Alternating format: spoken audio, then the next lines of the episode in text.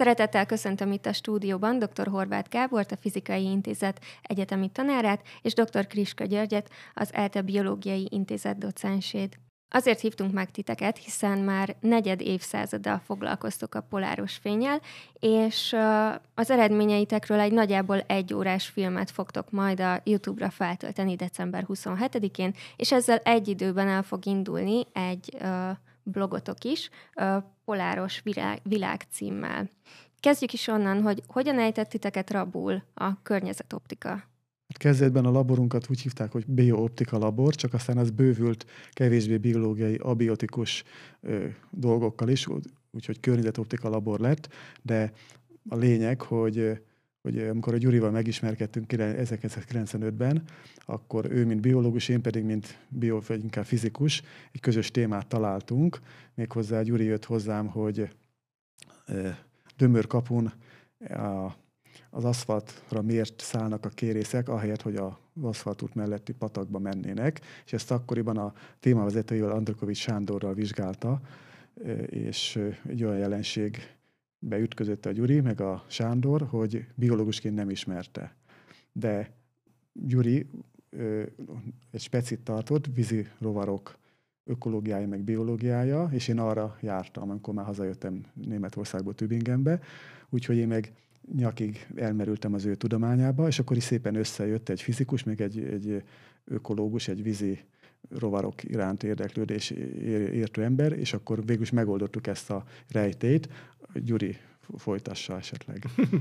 Igen, de ez nagyon érdekes dolog, mert régóta közismert jelenség volt, entomológusok többször leírták, hogy különösen hegyi patakok mellett az aszfaltutak fölött gyakran rajzanak a kérészek, és a petéiket is ide rakják le. És akkor mindenféle ilyen fals magyarázatokat adtak, hogy, hogy azért, mert esett az eső, kicsit vizes volt az aszfalt, vagy nagyon fényes volt, olyan volt, mint a víztükör, és hát ugye Gáborral konzultálva kiderült, hogy itt egész más dolog van a háttérben. Na most ez tulajdonképpen az ő kezdeti kutatási tevékenységéhez kapcsolódott, hiszen azt ne felejtsük el megemlíteni, hogy elsőként ő mutatta ki a világon, hogy ilyen mesterséges objektumok képesek csapdába ejteni vízirovarokat és vízi madarakat. Ugye a kuwaiti öböl válság idején mutatták ki, hogy hogy ezek a kőolajtavak pont a polarizációjuk miatt megtévesztik ezeket az élőlényeket, és gyakorlatilag az aszfaltút, mint egyfajta egy ilyen olaj végtermék, tehát ez is hasonlóképpen viselkedik. Tehát valójában így kezdődött el ez a, a kapcsolat, ez a közös munka, és mivel ez több szempontból is nagyon sikeres volt, tehát egyrészt úgy gondolom, hogy fizikus szempontból is, meg biológus szempontból is, én inkább itt a biológus szempontra térnék ki, tehát ez a cikk alapvető jelentőségű volt abban, hogy sikerült meghatározni az úgynevezett ökológiai csapdának a fogalmát, tehát ilyen szempontból ez, ez nagyon jelentős alapműnek számított, és ez bíztatott minket arra, hogy további ilyen kutatásokat folytassunk. Ugye még azt lehet hozzáfűzni, hogy 96-ban jelent meg egy rövid Nature cikkünk egy a kuwaiti kőolaj sztoriról, Johannsel munkatá- német kollégámmal, aki kuwaiti kőolajtavakat személyesen látogatta, mert ott volt két évig vendégtanár. És én Tübingenben el, Tübingenbe elküldte nekem az ő polációs felvételét, kiértékeltük, és lényegében akkor fejlesztettük ki a Tübingenben Varjú professzorral és a Johann Zeil, akkor docens volt, kutatóval a képalkotó polarimetria egy, egy technikáját, amit azóta is használunk, és így az emberi szem számára lehet láthatóvá tenni a polarizációt, olyan, mint egy hőkamera, csak nem a, a hőmérséklet van hamis színesen kódolva, nem a polarizációs információ, viszont ezt látják a, például a vízirovarok, nagyon sok állat, és így mondom, tehát a fizikusként a technikát használtuk, alkalmaztuk, meg a szoftver, kiértékelő szoftvert, és a biológusoktól jött az inspiráció, mint Johann biológustól, vagy Varjú professzor ő, ő, is, ő is biofizikus, és a Kriska György és csapatától a biológiai motiváció. Ő hozta mindig aranytálcán az újabb és újabb jelenségeket, amiket polarimetriával, meg kísérletekkel lehetett vizsgálni. És így végül is kialakult, a, mi vezettük be az irodalomba a fogalmát a poláros fényszennyezésnek, ami azóta már köztudott, és már a kánonnak a része, már tankönyvek írnak róla, és rengeteg cikket írtunk erről, én esettanulmányokat, hogy Gyuri mesél még az aszfaltúton kívül milyen, milyen poláros fényszennyező források vannak. Igen, talán még azt említeném meg, hogy, hogy a közös munkánk így metodikailag is új eredményeket hozott, nevezetesen, tehát a Gábor bemutatta azokat a mesterséges felületeket, műanyagfóliákat, amikkel a vizet tudjuk utánozni. Na most ezek annyira tökéletesen működtek, hogy nem csak a mi kísérleteink során tudtuk jól használni, hanem tudtuk ajánlani entomológus szakembereknek is, akik vízirovarokkal foglalkoznak, és ezt a cikkeinkben tettünk erre ajánlást, hogy javasoljuk, hogy ezt használják, és hát nem is olyan számítottunk rá, hogy hallgatnak ránk, és hallgattak, és elkezdtek nagyon komoly kutatásokat folytatni. És akkor itt megemlíthetném a Pécsi Tudományegyetemről Csavai Zoltánt, Móra Arnold, Móra Arnold Bodapali, akik aztán tényleg olyan érdekes eredményeket találtak, miközben a mi metodikánkkal dolgoztak, hogy szükségessé vált közöttünk egy kooperáció, mert így együttes erővel tudtuk ezeket megmagyarázni, és így például a, sikerült egy nagyon rejtélyes dologra, a vízirovarok napszakos vándorlási ritmusára is egy nagyon jó magyarázatot adni. Itt arról van szó, hogy a, a szorgalmas biológusok, Csabai Zoltán, Móra Arnold és Bodapál csapata kimutatta, hogy a vízirovarok majdnem minden faj reggel, délben és este röpködik. De miért röpköd egy vízirovar? Hogy keressen új vizeket, mert kiszáradt a víz, vagy oxigénnel, oxigén hiányos lett, és új, új víz, víz, víztesteket keresnek, és ezt csinálhatná, röpül, röpülhetne éjjel-nappal. De mégiscsak reggel, délben, este. És azt polarimetriával mutattuk ki, hogy a vizeket ebben a három napszakban lehet polarizáció alapján legjobban legnagyobb valószínűsége megtalálni, mert itt az égbolt polarizációja tükröződik a vízfelszín polarizációjáról, fel, felszínéről, és egy speciális olyan polarizációs mintázatot alakít ki, hogy azt különböző szögekből nézve akkor lehet legjobban érzékelni, amikor alacsonyan van a nap, vagy éppen legmagasabban. Alacsonynak felel meg a reggel, meg az este, a, a magas napállásnak meg a délben. És akkor így, lényeg, így lényegében egy fizikai, egy optikai oka van annak, a biológiai jelenségnek, hogy reggel, délben és este keres, érdemes keresni. És akkor ez a vízervalak polarizációs napórája. Egy csomó mindent csináltatok ebben a 25 évben, nagyon sok mindent felfedeztetek. Mégis mi volt a legmegdöbbentőbb eredmény, amire jutottatok?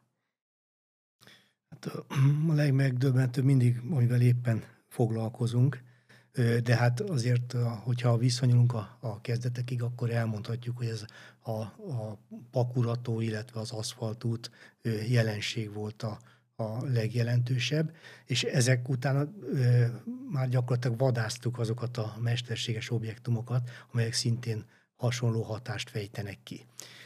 E, innentől kezdve, de hát szerintem már korábban is, hogy nyitott szemmel jártunk a természetben, és, és én is már félig ilyen polarizációs szemmel néztem a világot, és egyszer pont itt az eltén ültem egy, egy hosszúra nyúlt értekezleten, éppen egy ilyen TDK megbeszélés volt, meteorológia tanszéken, hatodik emeleten, tárgyalóba, kinéztem az ablakon tavaszi időszakba, és egyszer csak ilyen molylepkeszerű élmények jelentek meg tömegesen az épületnél, és megrohamozták a, az ablakokat.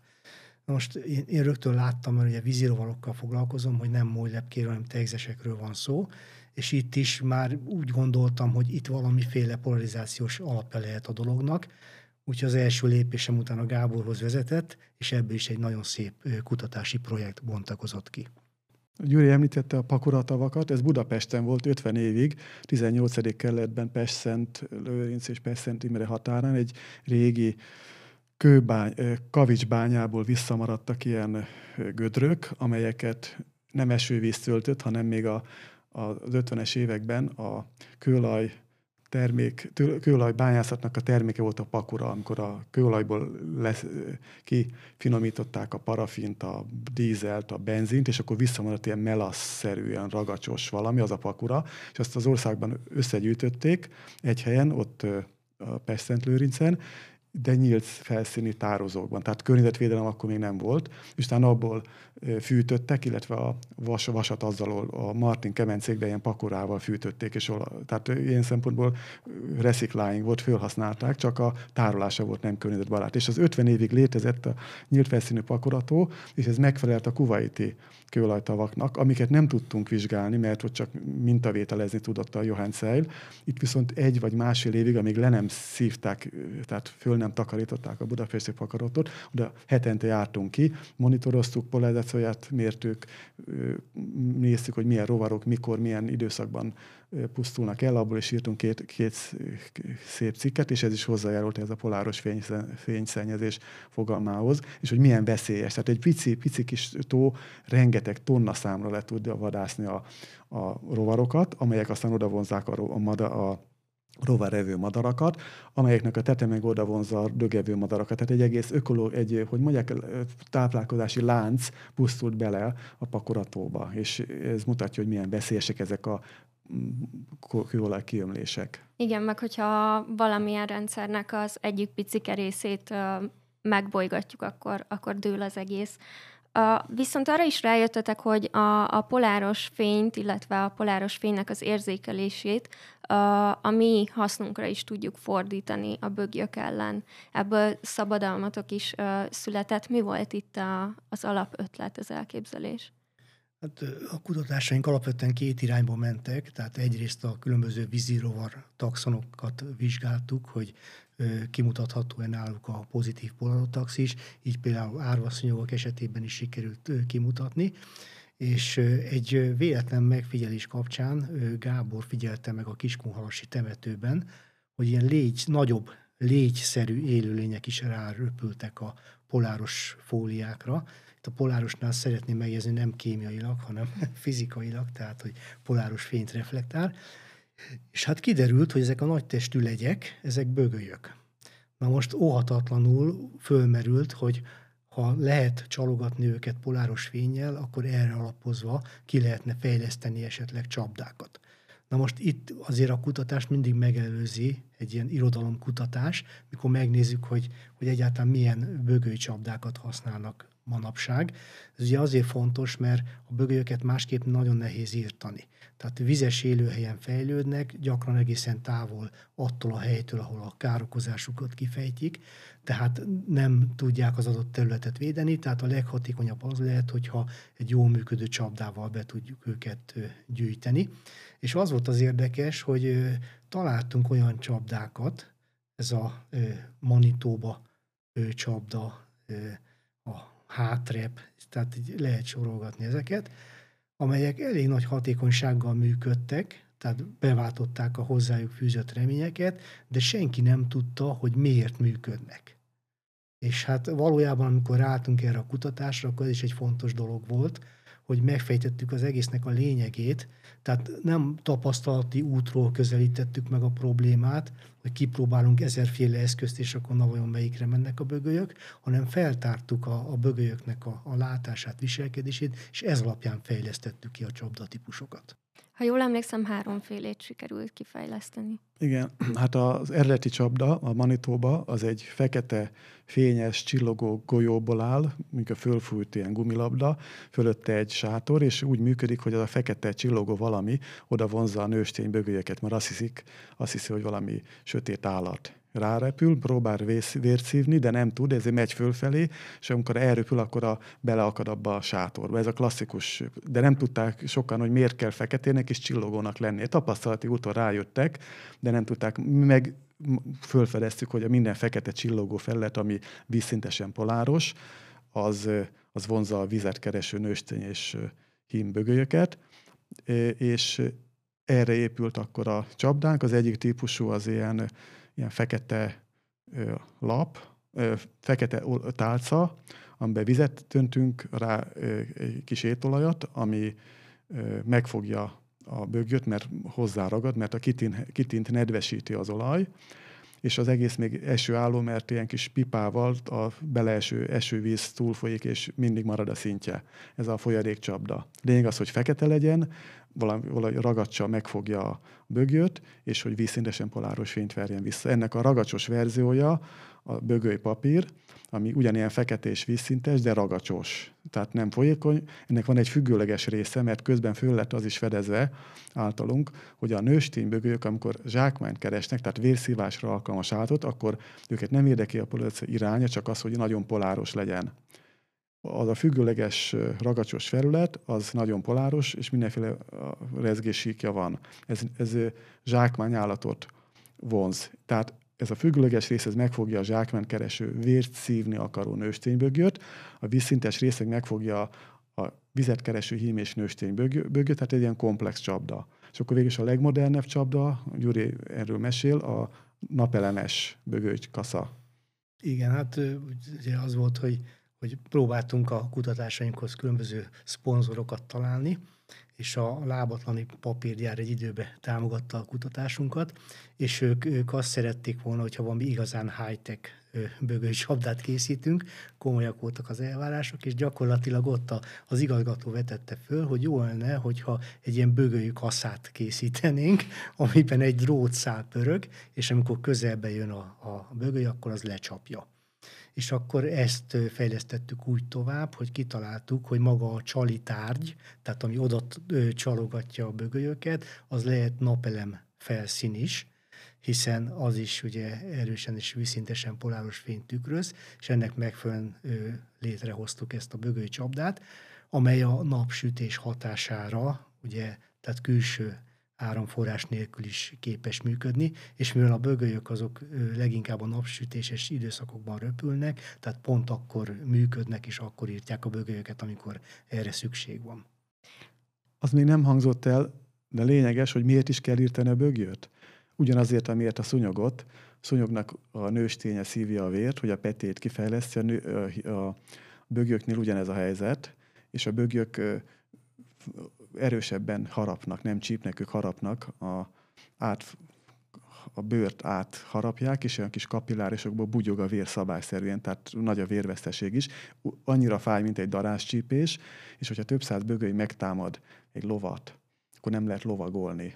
A sok-sok harapás nyom miatt heges lesz a bőre, és nem lehet eladni az autógyáraknak ilyen finom bőr, bőrülésre.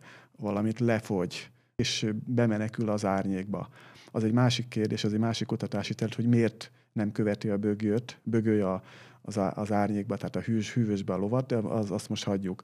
Viszont ugye a szarvasmarhákról van szó, és azokat támadja meg, ott sokkal nagyobb a veszteség, őket nem meglovagolják, hanem húsukért, tejükért tartják őket, és lefogynak szabályszerűen, mert nem tudnak legelni, mert hogyha kimennek a napsütötte legelőre, megtámadja őket a bögők, sok bögőj, valamint hát rengeteg korokozó terjeszt például a, a fonálférgeket, vírusokat, bakteriális fertőzéseket.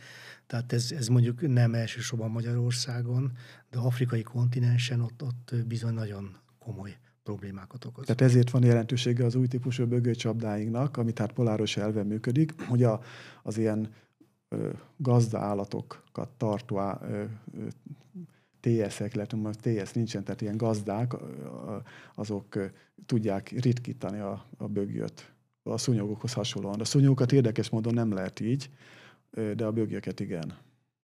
Viszont itt szóba került akkor a napelem, de a napelemmel kapcsolatban még mást is felfedeztetek, hogy ezt is tudják víznek érzékelni a bizonyos rovarok, és ez ellen valamit kell tenni, hiszen lerontják a hatásfokát a napelemnek. Igen, hát a napelem is, mint egy csillogó fekete felület, hogyha főleg a vízszintes, akkor vízszintesen poláros fényt ver vissza, és ugyanúgy, mint az olajtó, vagy a műanyag, fel, fekete műanyagfólia, vagy az aszfaltút vonza nem csak a bőgőket, hanem minden vízirovart. És Hogyha elképzelünk egy napelem farmon mondjuk egy millió ilyen napelemet, ami akár állhat ferdén is, de ez egy bizonyos irányból, tük nézve mindig vízszintesen poláros fényt ver vissza, és akkor rászállhatnak a vízirovarok, rápetészhetnek, odasülhetnek, ami a rovarnak se jó, meg esetleg a napelemnek sem, mert akkor a pete miatt poros lesz meg minden, tehát, tehát sűrűbben kell pucolni. Ezért poláros fényszennyező forrás egy ilyen napelem, és azt megint csak a terepen fedeződött föl, már a Gyuri elmesél a részletet, hogy hogyha berácsozzuk ilyen, ilyen vékony, fe, fehér festékcsíkokkal berácsozzuk, a, akkor eltűnik a poláros fényszennyező forrás, és ezt szabadalmaztattuk is, hogy azokat a napelemeket, vagy napelem, napkollektorokat, amelyeknek ilyen homogén fekete a felülete, hogyha arra nagyon vékony, egy milliméter vastag, megfelelő sűrűségben ilyen fehér rácsot rakunk, akkor igaz, hogy egy százalékkal veszítjük a, a felületet, ami aktív, viszont környezetszennyező lesz, és akkor a Gyuri meséli, hogy hogyan lett ez hát felfedezve. Ez, ez nagyon érdekes volt az egész sztori, tehát ez már arra datálódik, amikor tényleg vadáztunk a különböző polárosan fényszennyező objektumokra, és így egymás között beszélgetve hamar rájöttünk arra, hogy valószínűleg a napelem táblák is így viselkednek és akkor az első útunk a Conrad Electronicshoz vezetett, ahol vettünk ilyen táskanapelemeket. Tehát ez arról, arról is, mert akik így turistáskodnak, azok kinyitják, úgy néz ki, mint egy diplomatatáska, és akkor rá tudnak kötni zsebrádiót, meg nem tudom, ilyesmiket. És mindjárt vettünk belőle kettőt, hogy ma milyen jó lesz, majd a kérészekkel kipróbáljuk. És ki is mentünk, kiraktuk szokásos helyünkre, az aszfaltútra, kérészek ott rajzoltak, nem mentek rá nézzük így közel, ú, mi történt, hát hogy lehet ez, pedig nagyon erősen poláros, Gábor kimérte polarimetriával, egyszerűen nem értettük, és akkor észrevettük, hogy a táskának a, a belső szegély, ilyen fehér szegély volt rajta, és akkor hát lehet, hogy a szegély, lehet, hogy egy olyan kisebb felületre osztja a napelemet, ugye két részre osztotta ez a fehér szegély, ami már nem váltja ki a polarotaxist. Nosza rajta rögtön leragasztottuk fekete szigetelőszalaggal, és tódultak rá a kérészek, és akkor ez, hú, akkor itt valami érdekes dolgot fedeztünk föl, és akkor erre vonatkozóan már célzottan végeztünk terepkísérleteket, és akkor így sikerült rájönnünk arra, hogy ez a depolarizáló rács hatás, ez tulajdonképpen megvédi a vízirovarokat, és az egy jó hír, hogy a korszerű napelemekben már ezt alkalmazzák. Nem nekünk köszönhetően, hanem ilyen gondolom a technológiai eljárások uh-huh. miatt, tehát már eleve ilyen napelemeket gyártanak, tehát ezért nem jelentkezik ez a probléma. És el is jutunk a zebrákig, hiszen ők is a csíkozással próbálnak meg uh, védekezni a bögyök ellen. Igen, hát azt is állíthatnánk, hogy ezt az zebráktól lestük el ezt a trükköt, de nem, azt, azt teljesen függetlenül fedeződött föl ott a, megint a bögyöket kutattuk, azt a Gyurival figyeltük meg a terepen Szokolyán, hogy a fekete meg a sötétbarna lovakra jóval több bögöly megy, mint a fehérre. Amikor legel egy fekete meg egy fehér ló, akkor a fekete ló az néhány perc múlva beszalad az árnyékba, az erdőbe, mert szétlépik a bögyök. A ló, fehér ló meg ott legelészik jó csomó ideig, mert őt alig támadják meg a bögyök. És akkor ezt kezdtük el vizsgálni, hogy mi ennek az oka.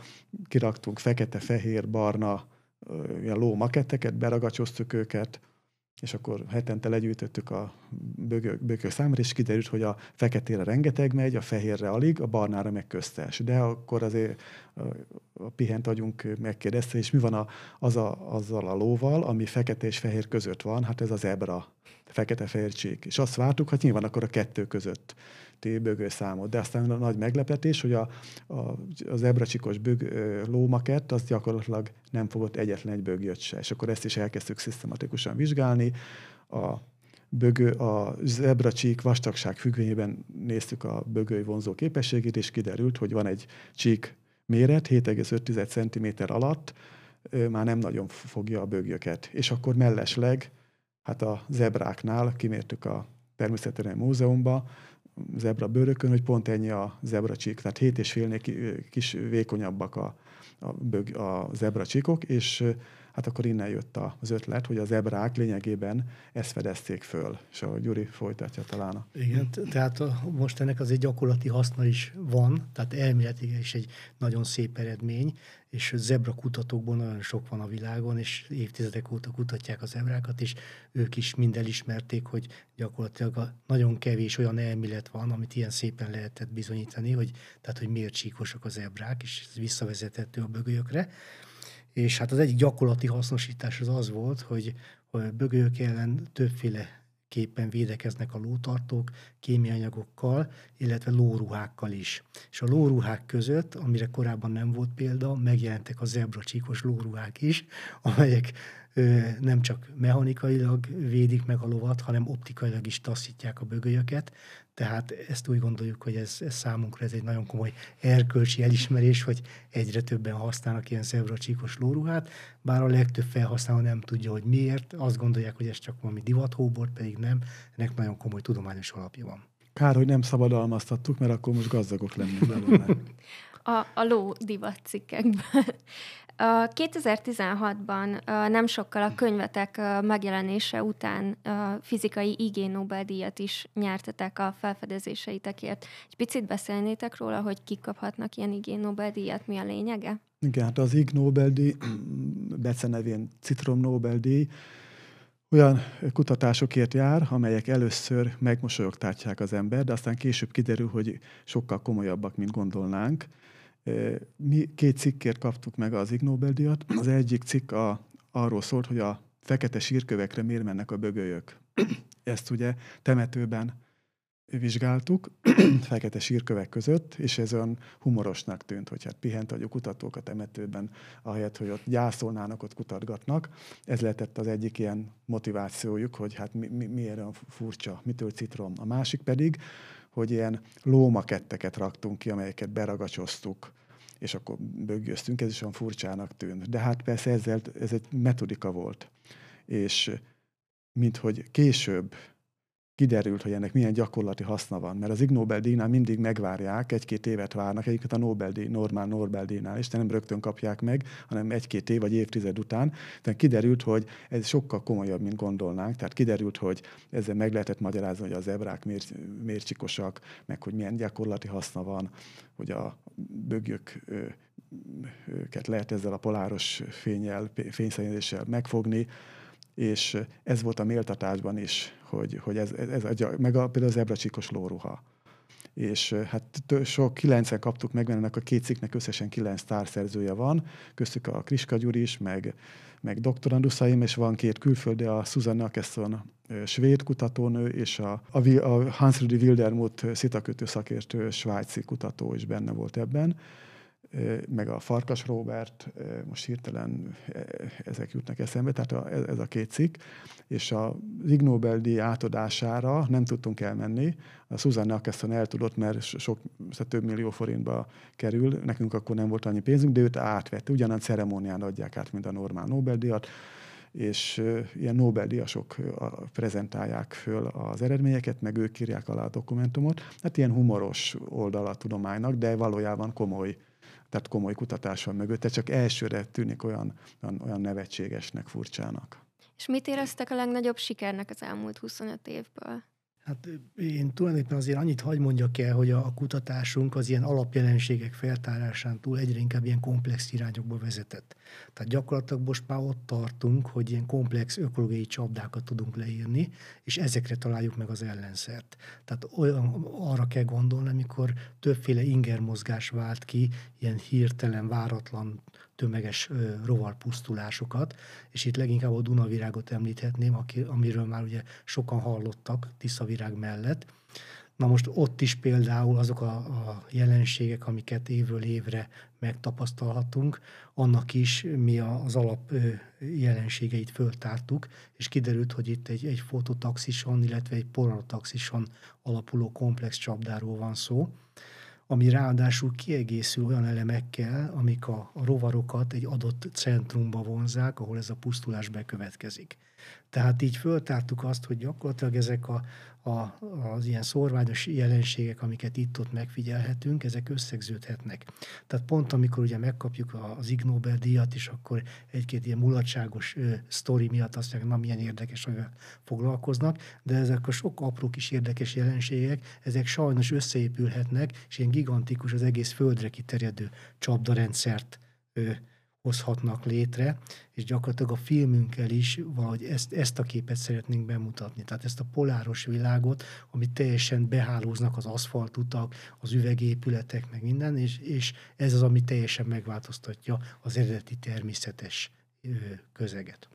Akkor ezekről lehet majd bővebben olvasni a blogotokon. Igen, tehát a, a blogon ott, ott bőven lehet olvasni, ott megadjuk a, a szakirodalmi elérhetőségeket is, tehát azért a, a eddigi munkásságunk során mindig törekedtünk arra, hogy ne csak angol nyelven, hanem magyarul is elérhetők legyenek ezek a kutatások. Tehát itt számomra mindig példaadó volt, amit a Gábor csinált. Tehát hogy ahogy megjelent egy angol cikkünk, akkor rögtön már mindenki azon dolgozott, hogy az magyarul is megjelenjen, tehát ez egy nagyon komoly dolog. Én mivel ugye filmezéssel kezdtem el foglalkozni, meg blogozással, ilyesmivel, tehát én is most így beállok ebbe a sorba, és ezeken a vonalakon próbálom erősíteni ezt a tevékenységet. Igen, hiszen tényleg nálatok, ahogy uh, Gyuri is mondta, mindig, mindig úgy van, hogy uh, ha megjelenik egy angol nyelvű cikketek, akkor vagy a fizikai szemlébe, természetvilágába, élet és tudományba írtok róla magyarul, meg még ugye ott van a, a, a könyvetek is. Miért tartjátok ennyire fontosnak a tudománykommunikációt? Hát viszonylag egyszerű magyarázat, mind a ketten tanárok vagyunk. Gyuri a biológusokat tanítja főleg, Eleve ő középiskolai tanárként indult, aztán később egyetemi szinten oktatott. Én, én, én kutató voltam, de az ELTE, eltén végeztem, utána néhány évig külföldön dolgoztam, aztán megint visszajöttem az eltének, és végigjártam a rangsort, tehát kutat, tanárok vagyunk. A szüleim mind a kettőt biológia földre a szakos tanár, tehát ez benne van a, az egész család tanár, átadni az ismereteket. Az fontos, hogy kutatók is vagyunk, méghozzá nemzetközi szintű, tehát angolul kell publikálni, nincs mese, mert az a világnyelv. És a, ott megmérettetvén, aztán az eredményeket magyarul ö, leközöljük, méghozzá ismeretterjesztő szinten. Hát persze, hogyha a, angolok lennénk, akkor lehet, hogy kevesebbet írnánk ismeretterjesztőt, mert hát angol nyelvű szakcikkeket angolul tudja olvasni az angol. Persze a szakcikkeket nem olvassa a köznép, tehát az Angliában is megvan, a, vagy hát az angol nyelvű, tehát Amerikában is, Angliában is megvannak a ismertterjesztő folyóiratok, úgyhogy hát angolul disszemináció, magyarul ugye ismeretterjesztés, ez, ez, ez tanárként fontos. És hát az egyetemen oktatunk, és ha bár angol most már az ömében a, legalábbis az MSC nyelve, de azért látom, hogy a 90% a magyar a diákoknak, és én is anyanyelvemen szeretek inkább tanítani, és egyszerűbb első menetben magyar nyelvű ismeretterjesztő cikket adni, és hogyha az nem riad el a diák, akkor aztán lehet neki egy kicsit nehezebb anyagokat is, és így lehet magunkhoz édesgetni. És fontos, hogy a tapasztalatból tudjuk, hogy a folyosóra kitett plakátok, magyar nyelvű cikkek, meg az, az órán, az előírásokban felhasznált anyagok, hogyha magyarok, ez még, mégiscsak egyelőre Magyar Egyetem, van hatása. Aztán majd, hogyha teljesen angol lesz, akkor valószínű nem lesz helye a magyar nyelvű publikációnak. Sajnos egyre kisebb a, a, a, a média, de ez a három említett folyóirat, ez még létezik, és amíg vannak, mi publikálunk. Hol nézhetjük meg a YouTube videótokat majd? Hát a, nekem van egy saját csatornám, YouTube csatornám, tehát ott szoktam közzétenni az anyagaimat, ami érdekes módon elég népszerű lett. Megdöbbentett a dolog, tehát én vízigerincszerállatokról készült kis rövid snitteket raktam föl, és hát volt olyan, például a lópióca elfogyasztja a földi gilisztát, ami ilyen több milliós megtekintésnél tart, és a világ minden tájáról vannak feliratkozók, tehát ez nagyon sikeres lesz. Ott ö, szeretnénk mindenképpen, és az egy nagyon fontos dolog volt, tehát hogy most, amikor nyáron forgattuk a, a filmet, és, és gyakorlatilag újraéltük ezt a 25 évet, mert újra eljátszottuk gyakorlatilag azokat a bögölyös sztorikat, amiket együtt már átéltünk, és akkor ott a segítőink, akik ilyen lótartók voltak, és akkor ők mondták szemreányan, hogy hát van ilyen jó csapda, hát, hát miért nem tudunk mi erről, hát miért nem teszik ezt közzé. És akkor Gábor mondta, hát mindenhol leközöltük, hogy élet és tudomány, Szent Buvár, itt, itt ott. Azt mondja, hát mi nem olvasunk ilyet. Miért? Maguk mit olvasnak? Hát mi a Facebookot. Úgyhogy, úgyhogy most ilyen szempontból rájöttünk, hogy nekünk is egy kicsit így módosítani kell. Tehát most elindítjuk ezt a blogot, és akkor majd a, a blogot majd, hogyha már jönnek a bögöly témák, akkor megpróbáljuk ilyen lovas Facebook csoportokban osztani, mert tényleg az egy nagyon fájó dolog, hogy felfedeztünk egy ilyen, ilyen dolgot, amivel tényleg nagyon egyszerű módon néhány év alatt bögölymentesíteni lehetne területeket, rengeteg kínszenvedéstől megmenteni az állatokat, segíteni az állattartóknak, és nem jut el az emberekhez. Úgyhogy most ebben is fogunk tenni. Köszönjük szépen, hogy itt voltatok, és további sok sikert kívánunk a következő 25 évre.